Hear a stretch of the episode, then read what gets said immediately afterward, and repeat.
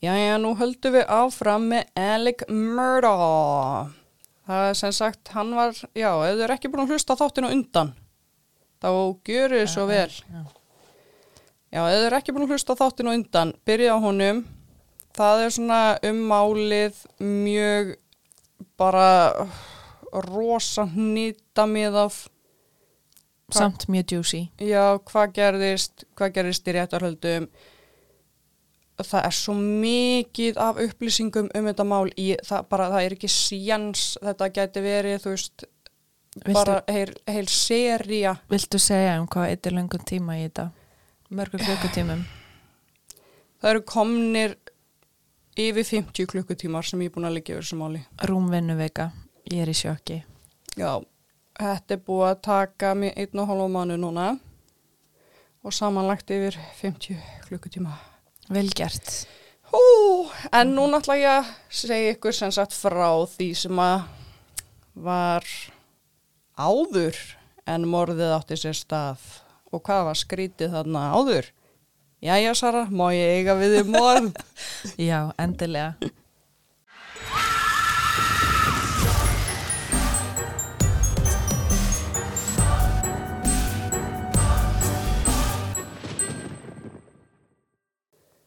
Herði, það eru sem sagt þrjár manneskur sem hafa dáið af sleisavöldum sem hafa tengst fjölskyldunni. En ekkert af þeim málum var skoðað rosalega vel. Ég ætla að segja þér frá Stephen Smith. 15 dögum eftir að Alec draf Maggie og Paul, þann 22. júni 2021, var máliðan Stephen Smith aftur opnað. Smith var úlingur sem dóð 2015 og var úrskurðað sem hit and run, sem satt ákersla og kyrt í burtu. Og máli var opnað aftur á grundvelli upplýsingar sem sapna var við rannsókn á morðunum á Maggie og Paul. Ó, ok, shit. En við vitum samt ekki ennþá hvaða upplýsingar þetta eru. Og það kemur kannski einhvern tímann í ljós. En Stephen Smith var 19 ára hjúgrunafræðinemi og var með Buster Murdaugh, eldri bróðurnum sem er lifandi, í Beck í framhaldsskóla. Smith fannst látin á miðri götu um það byrj 5 kílómetrum frá bílnum sínum sem var bensinlaus út í vegkanti. Smith var með 18 cm stóran skurð á enninu. Fyrst að haldið hann hafi verið skotin því sári leit út eins og skotsár. Þar til að var úrskurðað að hann hafi dáið við hit and run. Það var það bara búið. Ha? Já. Þannig að þetta, þetta var alveg potið skótsár. Nei, að leit út fyrir það. Þetta var náttúrulega rosa stórt sár. Þetta var 18 cm stór. Þau bara heldu það Já. þeir sem sagði fyrst, fattar við. En hann var dottin úr axlalið á hægri hönd. Nei, hægri öxl og hægri hendin var öll út í skurðum og marblettum. En það voru engin glerbrót á staðnum sem hefði mjög líklega gerst ef bíl hefði kert á hann. Það rúða myndi brotni í leðinni. Einni var hann ennþá í skónum sem voru lausir á honum og sérfræðingar segja að í flestum tilvikum fljúa skór af mannesku sem er kert á að miklum hraða og hvað þá ef þeir eru lausir á fótunum. Ok, það er bara insane fun fact. Mm Og fötin hans voru ekkit ónýtt eða tætt eins og þú veist ef hann myndi renna með fram götunni eða eitthvað og hann var ennþá með síma sinn í vasanum. Nú, Heldur að Skrítið. það sé líklegt eða, eða næst á ekki, þig? ég held að hann fljúi bara einhvert í burtu. Mm Fyrirrandi umsjónamaður þjóðvega eftirlitsins, ég veit ekkert hvað þetta er, en hann hérna í South Carolina sagði að það hafi verið tekið nöðgun að prófa á Smith eftir slísið. What? Já, bara eitthvað, bara Já. gott, testir all. Uh, lögfræðingur móður hans staðfesti að það nöðgunapróf hafi verið tekið á Smith en það hafi aldrei verið sendt í rannsókn. Veskið hans Smith var líka ennþá í bílnum sem er skrítið, þú veist, ef þið vantar bensín og ætlar að lappa og sækja bensín þá þarftu væntalega veskið Mm og einnig og ætlar að skilja bílinn eftir og tekur samt veskið með þér. Slúður á götunni var að Smith og Buster Mur- Murdaugh, eldri bróðurinn sem er lifandi í dag, -hmm. höfðu verið að slá sér upp saman. Segir maður það, slá sér upp saman. Já, bara slá sér upp. Að þeir hafi verið að slá sér upp. Og einhverju hluta vegna kom nafni Murdo oft fram meðan rannsókn stóð yfir. En enginn úr fjölskyldinu hefur verið yfirherður og neytar Buster að hafa átt einhvern hlut í morðans. Já, þau náttúrulega bara geta gert það því að þau voru svo orðhægur í kvélskilda. Já, já, það var bara nefn, við tölum ekki við ykkur. Mm Slúður á gödunni var líka að nokkri strákar voru bak við þetta og alltaf kom Buster Mur- Murdaugh, hvernig heldur að segja nafnið þess, Bust, Buster Murdaugh nafnið upp. En loksins núna í lok mars 2023, eftir réttarhöldin, er loksins búið að opinberlega úrskurða þetta sem morð. Smith var drefin. En það var bara fáralegt að við ekki verið frá upphafið þar sem að sönnunagögn bentu öll til þess að þetta væri allavega ekki hit and run og, og langlíklegast að þetta væri morð. Mm Og lauruglan þurfti ekki einu svona aðra krupningu til þess að staðfesta þetta. Það var bara að fara yfir þetta aftur. Og þú veist, þeir vissu að þetta væri morð. Margi lauruglu þjónar heldu það fyrst. Svo bara allt í nú var bara úrskur þetta sem hit and run og þeir bara býtu, wow, ok. Jesus. Já. En önnur krupning var samt framkvæmt núna átta árum eftir morðið. Það var núna 4. apríl 2023 og ótrúlegt en satt og hefnaðast hún mjög vel og réttar sérfræðingurinn Dr. Kenneth Kinsey sæði í samtali við News, Station, nei, News Nation að rannsakendur söfnu nýjum sönnunagögnum og allir voru mjög ánægir með upplýsingarnar sem sapnað hafi verið. En ekki er ennþá komið hérna meiri í ljós með það að því að loka skýslan úr krupningun er ekki ennþá komin þannig að það er ekki komna fleiri upplýsingar eins og staðan er í dag Nei. en mamman Smith er búin að vera berjast fyrir réttlætu svona sín síðan hann fann slátin Oh my god. já, Vorkinn svo fólki svo mikið. já, hún vissi alltaf að hann hafi verið myrtur Mm hún meiri segja réð enga rannsakanda en máli fjaraði út og enginn held áfram að rannsaka það Nei. En loksins er málið aftur komið í ferli og sapna á næstum 5 miljónum íslenskar króna í gegnum GoFundMe Geggjað. já, sem hún náttúrulega nota sem upplýsingaverlun ef einhver getur gefur upplýsingar sem leysa málið. Geggjað. Svo er það hún Mallory Beach. Það var kvöldi 23. februar 2019. Mm Þá er Paul Murdaugh, þessi yngri sem er látið núna, 99 mótilið, Já. Hann er að fara með vinum sínum í partí og þau ætla að sigla hanga bát sem fjölskyldan átti. Fancy. Já, já. Hann stoppar á bensinstöð og kaupir áfengi með skilríki bróði síns, Busters, og svo fara þau á bátinn. Ljósin virkuði ekki á bátnum, svo þau voru með vasaljós til að lýsa leiðina. Þau voru þrjú pör, sem satt Paul og Morgan, svo Connor og Miley og svo Anthony og Mallory og þau voru öll að drekka. Um átta um kvöld stoppuðu þau og, í, og fór í partíið sem var við ánuna sem þau sildi. Það var eitthvað svona partí út eða sem voru eitthvað elda einhverja svona eitthvað, eitthvað skjálfisk. Mjög skrítið. En rétt eftir miðnætti fóru þau aftur í bátinn og byrjuðu að sigla tilbaka. Þau stoppuðu og fóru á bar, Luthers, heitir hann. Uh, Paul var mjög ákveðin að fara, mjög frekur. Hinn vildu ekki fara en hann var alltaf eins og alltaf ennum manneskja þegar hann var fullur. Og enda með því að Paul og Connor fóru á barinn og tóku nokkur skot á barnum meðan hinn fjögur byði á bryggjunni.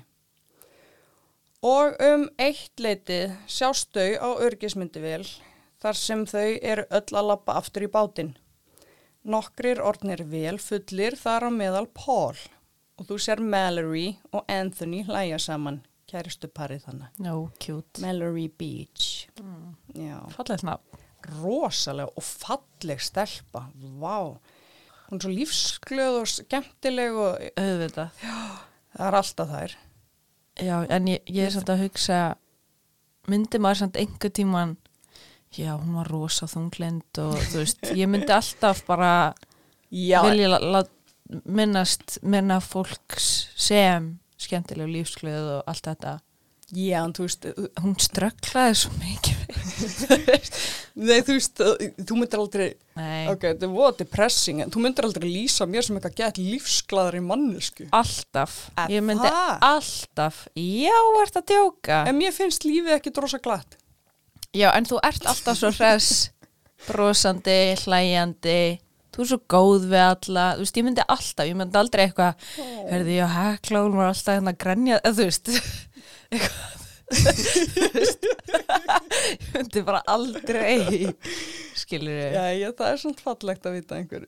myndi allir sjá þið svona, elska mín. Sem lífsglaða. Ég skil hressa, en ég Ég er að meina- eitthvað, wúhú, lífið. Ég veit það ekki, þú veist, jú, Já, já, já. þú ert stundum alveg þung, skilur við, en Já, nær, það er samt alltaf stutt í húmorun hjá þér og, þú veist, og svo, já, ég veit ekki, þú veist, það er náttúrulega allir, allir hafa sína slæmjög dag og góðu dag. Herðu, hvar er ég? Já, hún var svo lífsglöð og kátt. Já, kærustu parið. Já. Þetta er síðasta myndbandi sem er að Mallory á lífi. Ok. Herðu, kort er yfir eitt. Leggja þau aftur á stað frá bryggjunni, það sem að barinn var. Uh, Pól var að sigla í kleinurringi og keira svo hálfviti. Mm -hmm. Segir maður ekki kleinurringi? Jú, ég myndi halda það, hann var að, hvað, hvað, ísla, já, bara skra, skransa. Taka hambó. Já, þau báðun um að hætta og báðum að fá að fara af bátnum en hann neytaði. Var hann að gera það með bátinn? Já, Var hann að taka gleirin ekki bá, ok, já, hann var bara fullu dísa. og þau voru öll orðin, orðin það Þau voru bara að sko. byrja að öskra öll á hvern annan og, og þú veist, einn sagði bara, hérna hliftu mér út og hann bara, neip, og hjálp bara áfram. Veist, hann bara psykopath. Hann gjör samlega síðblindur í glasi, sko. Og Mallory sagði að hann væri mjög hrætt og þú veist, það voru allir byrja, byrjar að rífast og svo fór Mor Morgan og Paul að rífast. Manstu, Morgan var kærasta Pauls, Mhm, Murdo. mhm. Og þau fór að rífast af því að hún tók ekki hans hliði í rifrildunum. Nei, hættu. Og hann sló hana utan undir og hrækt á hana. og ég bara stjálfur Mhm. að hrækja á einhvern ég bara, þetta er mesta disrespect sem að ég bara veit um hrækja á einhvern Littla 99 mótilið, þú veist, ég, ég bara, litla. 90 Á þessum tíma. já, já, já, já. Hann var alltaf að yfirgefa stýri til þess að þræta við hana Du, og þá tók Connor við og byrjaði að stýra en þá kom þú veist Paul aftur og segi bara eitthvað, herri, þetta er minn bátur og enginn að keira honum nema ég. oh my god En svo klukkan 2.20 um nótt gefur Pauli og nokkrum sekundum setna klessaðu á brúarstólpa sem er svona tre svona sem heldur uppi eða kannski ekki tre Æ, þú er svona pinnin sem heldur uppi brú mm Herðu, nokkur er að fljúa í vatnið meðan aðrir skjótast á lendabátnum. Connor ringir í neðalínuna og segir að þau hafi lent í bátasleysi og þau finn ekki Mallory og það heyrist í hinnum kalla eftir Mallory á bakvið og þau eru öll að leita henni. Lörglanum fljóta staðinn og leitir strax hafinn. Deputy Domino var einn af þeim fyrst á vettvang og þegar hann mætir eru allir við vatnið að leita nema Anthony, kærasti Mallory. Hann er í andlugu sjokki og strunsa bara fram og tilbaka. Hann er bara að lappa í ringi, sko. Lörglumæðurinn nær að róa Anthony niður og byrjar að ræða við hann við hliðan á lörglubílnum sínum og sést í vídjói úr lörglubílnum þegar Paul kemur lappandi upp á bílnum og Anthony segir Get that motherfucker away from me. já, þetta er náttúrulega Hún er að kenna það. já, ég var að fara að segja allt honum að kenna Þá brosir Paul Siðblindur og Anthony ætlar að rjúka í hann en lauruglumæðurinn stoppar hann af. Anthony segir Why are you fucking smiling like it's fucking funny? My fucking girlfriend's gone, bro. Segir það. Æ, Já, og hann þetta er erfitt, sko. ég fæ ég, ég, ég, fæ kökk í hálsun og stingi hjartað Mm Þegar lauruglan er búin að ná hann um niður og er að spyrja út í hver var að stýra bátnum, segir Anthony Do y'all know Alec Murdo? Þau er náttúrulega með, öll með svona southern accent. Hver segir þetta?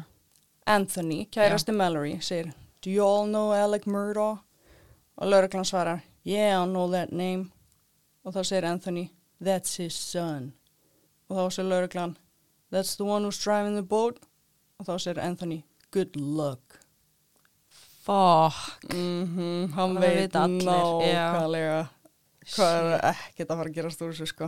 Já, Herði, Mallory var búin að vera týnd í þrjá klukkutíma þegar fjölskyldan fréttir loksins að hún væri tínd. Jesus. Og það var ekki frá, frá lauruglu. Frændi fjölskyldunar ringdi í mömmunar og spurði hvort hún hefði heyrt að bátaslýsinu sem Mallory lendi í og brunuðu þau strax á slýsavettvang. Lauruglan ringdi ekki neitt.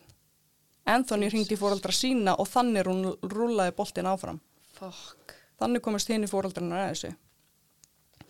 Mallory fannst ekki og leitin helt áfram. Anthony neitaði að fara á spítala og var aðna alla nóttina. Æ, má ég fá einn svona? Já, þú eru líka að sjá hann í hérna, Netflix-seríunum. Já, ég ætla að fara heim og horfa á þetta eftir. Mamma Mallory fór að bryggjunni og vildi fá að sjá hvað þetta gerðist. Þú veist, bara mjög skiljanlegt. Já. Lauruglan neitaði henni aðgang og sagði að engin mætti fara þarna niður að því að þetta var slýsa staður. Stuttu setna mætti mörd á hjónin og þau fengi að fara niður á slýsa stað. En ekki mamma fórnalamsins. Hættu! Nei! Og Anthony mátti heldur ekki fara niður á slýsa stað. Oh my god, bara mörda á hjónin. Já, Oh my god. bara þú veist af hverju í fokkanum mætti þau að fá að fara. Power.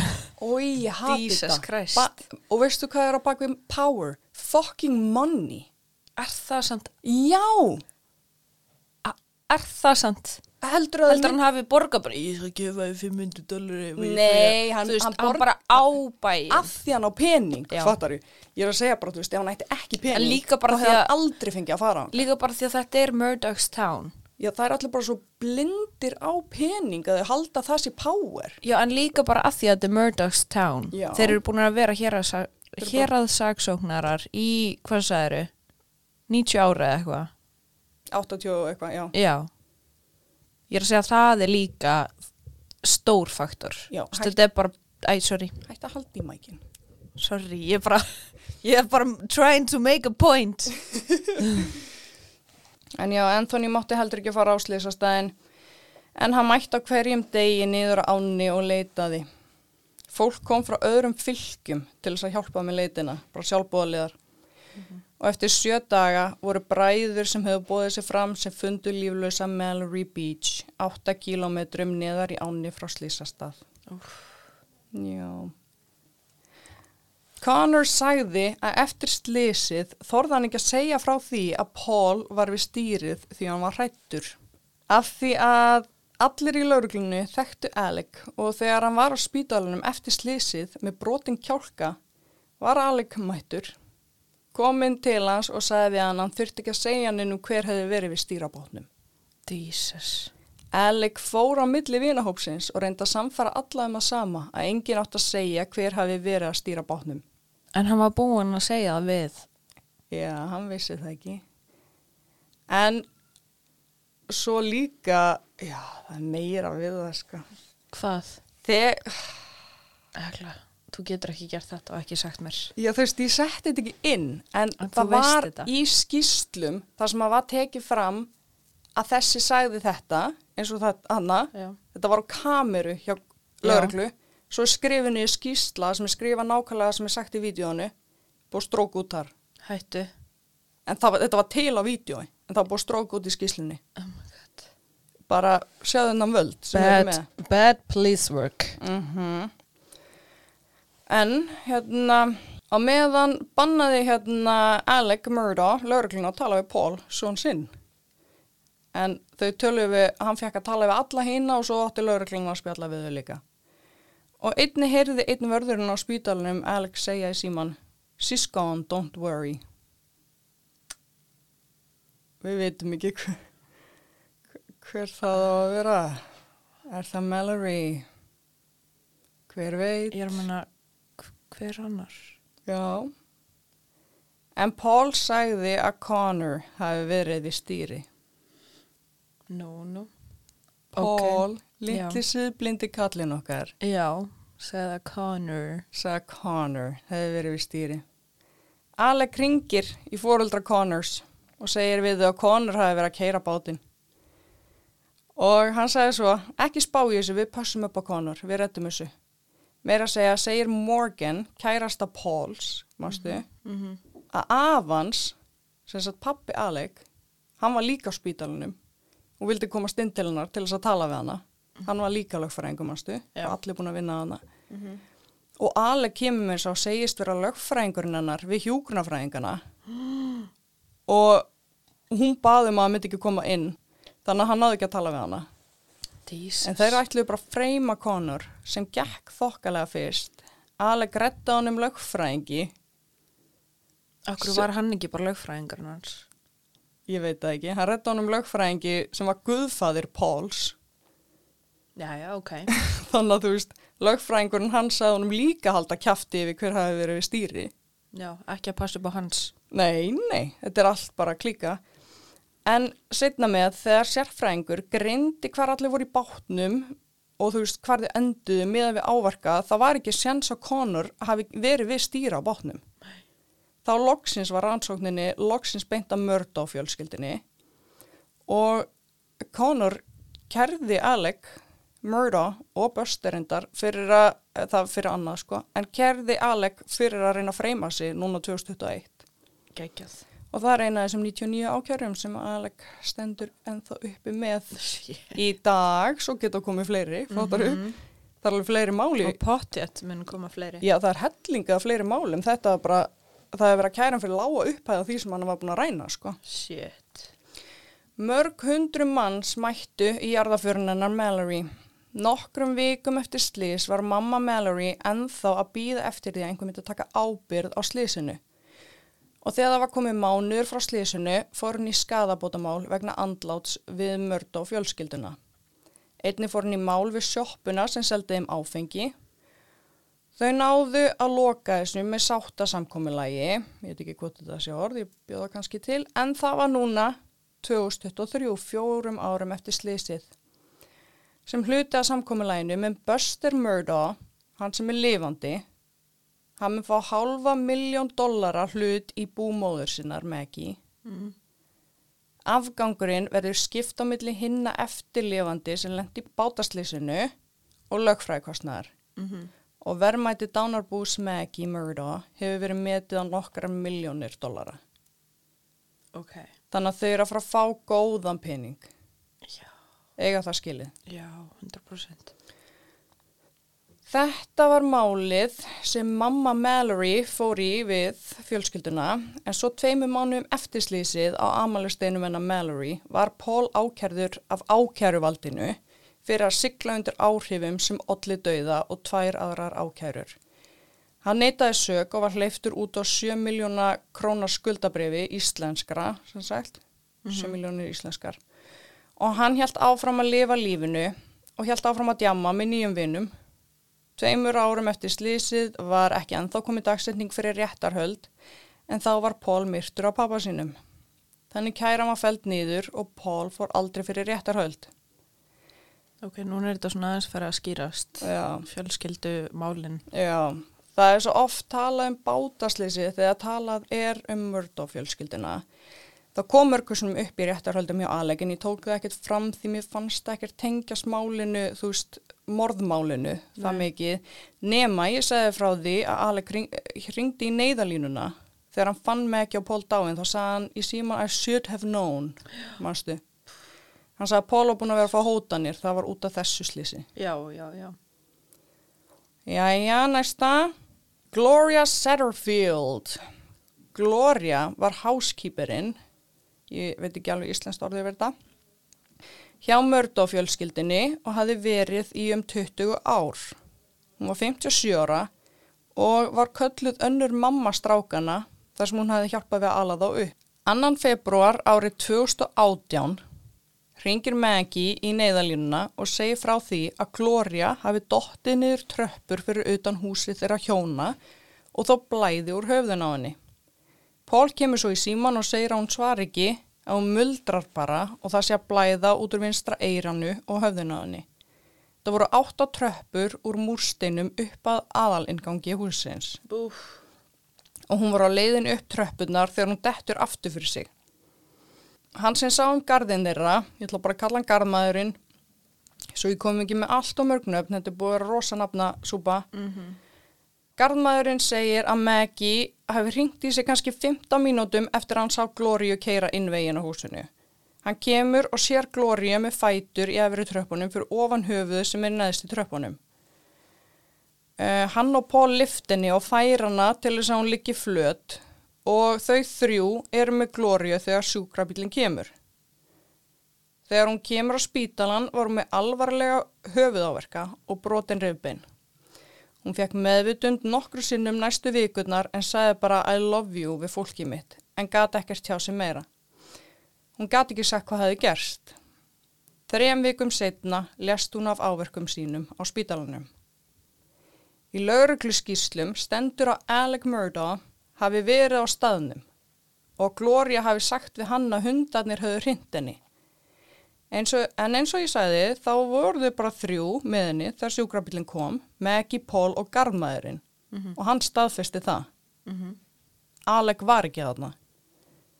En dauðinar var úrskurðaðir sem náttúrulegu dauði.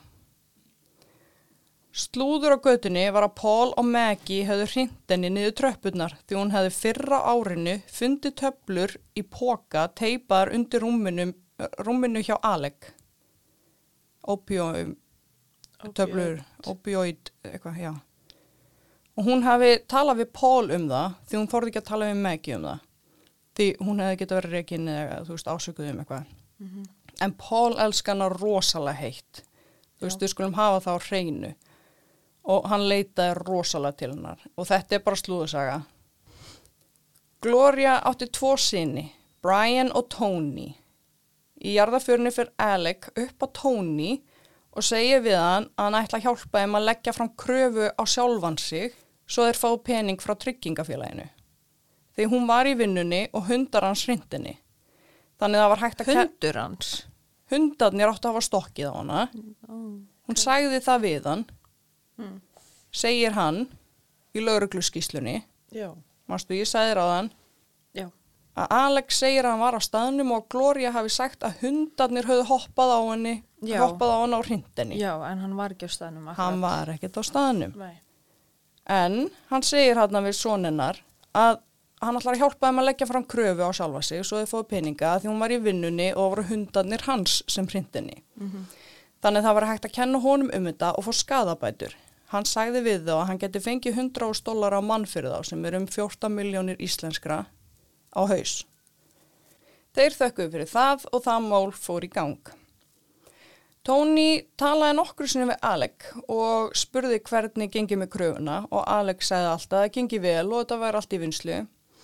Í júni 2021 voru bræðrunum upplýst að staðfestingu á að fjárhagsleg uppgjör höfðu verið greitt og málunni lokið. Þeir vissi ekki að Alec var búin að fá 4,8 miljónir bandaríkjadollara, 675 miljónir íslenskra úr tryggingafélaginu sínu vegna dauða móður þeirra og aldrei hafa þeir séð krónu af þessum pening. Hæ? Hann ætlaði að redda þeim 14 miljónum, fekk 675 og þeir fengi ekki krónu. Og hvernig, ok, en þetta er bara skrítið. Hann var lögfræðingurinn og eitthvað trúnar eitthvað. Já, hann bara gætt græða þetta einhvern veginn. Já, já, hann er lögfræðingur og hann er, þetta er Murdoch County. Já. Þeir fóru í mál við hann, mannstu ég sagði frá fyrir þættinum vegna þess að hann var handtekinn aftur að það síðasta skipti og komst aldrei út á tryggingu og það var hann út, út af sinum Mrs. Satterfield. Mm Það eru þeir. Ok. Já, en þeir kærðu hellinga liði eftir þetta og lögfræðingur þeirra fóru í svaka vinnu og fengu þeir þá meira en 7,5 miljónir dala sem sagt yfir miljard íslenskra í skadabætur. Ok. Gott. Já, það endaði vel. En þú veist, ég veit samt ekki hvaðan það kom því tryggingafélagið borgaði þeim ekki krónu. Ó. Alec var broke as a joke. Já. Bara lögfræðingar var geggjaður og einhver bankar gerði eitthvað bankadótt og náði pening og einhverju aðrir aðila líka sem átti að hafa hjálpað Alec þóttir jável, þú veist, vissi ekki hvað var í gangi. Þú veist, það þurfti bara einhver að taka ábyrð á þessu. Já. En þú veist, núna í réttarhöldum var aðeins rætt um Glóriu en Alex segir að hann laug með hundana. Sagði það núna. Hann er búin að, þú veist, það er búið, eða þessi saga er búin að vera endalus að hundanir stukka á hana. Já. Svo segir hann núna bara, þú veist, í februari eða eitthvað, ég veit ekki hvað mánuð það var í, að þið stukka ekkert á hana og það var engin vinst, viðstattur þegar hún datt. Og við vitum ekki af hverju hann er að segja þetta núna. Ég held að sé eitthvað á baku þetta. Já. Ég held að hann sé að reyna að skemma fyrir þeim að þeir séu komni með tryggingar. En það var talað við lögfræðingið þeirra og hann sagði að það er eiginlega engin sjans að þeir þurfa að borga þetta tilbaka. En ég ángríns held að hann var eitthvað að reyna það sko. Hann baðst aldrei ásökunar á að hafa stólið þessum pening og íjaði að því að ef einhver ætti að borga pening tilbaka þá var það bræðurnir þar sem þeir eiga pening Oh sem er svo sjálf hvert. Já, er bara... Hann er búin að vera ríkur allt sitt líf Já. og út af hans sjálfhverfu búin að missa allt og vill þá þeir borgi í fyrsta skipti sem þeir eiga einhvern pening af því að mamma þeirra dó. Ógislegt, sko. Þessu sjálfhverfur er hægt að vera. Já, þetta er bara beyond that, sko. Já. Þetta er bara ógislegt. Sumir halda að einhver hafa átt hlut í þessu máli en fjölskylda Glóriu, sem sagt sinniðnir og sískinni, halda að þetta hafi verið slis og engin átti söki í þessu. Eh, En það er búið að opna málið aftur eins og er en ekkert nýtt að frétta.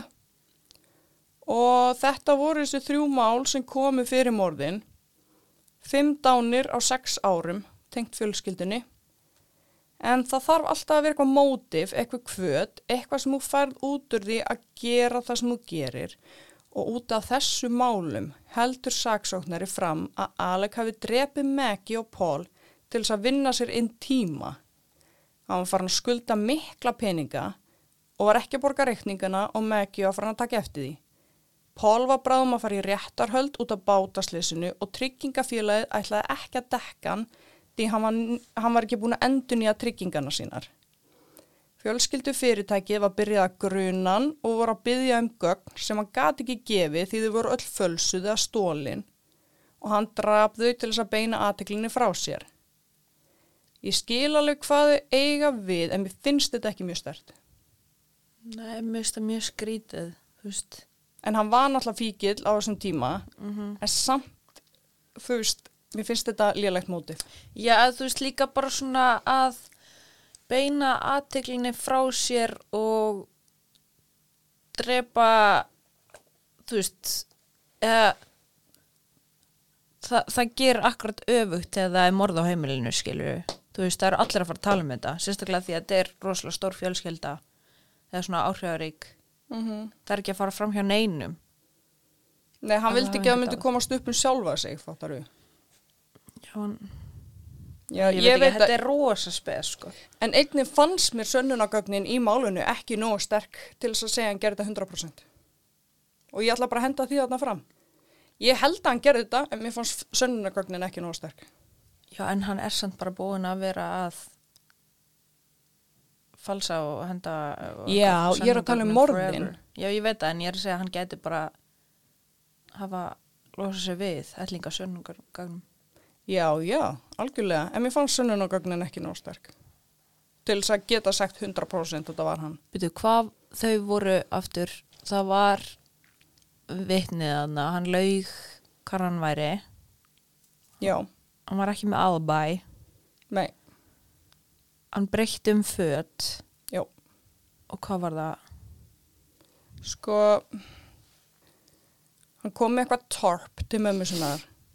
En þá var einhver kápa sem var Já, þá kápan sem var með endalsta byssu leifum í. En svo var þarna, Já. svo var hann með hellinga skotlegum á sér, en þau voru upp í veðukofa og það voru byssur út um allt og það er bara við snertingar sem þetta fer á því Mm og hann sótti byssu.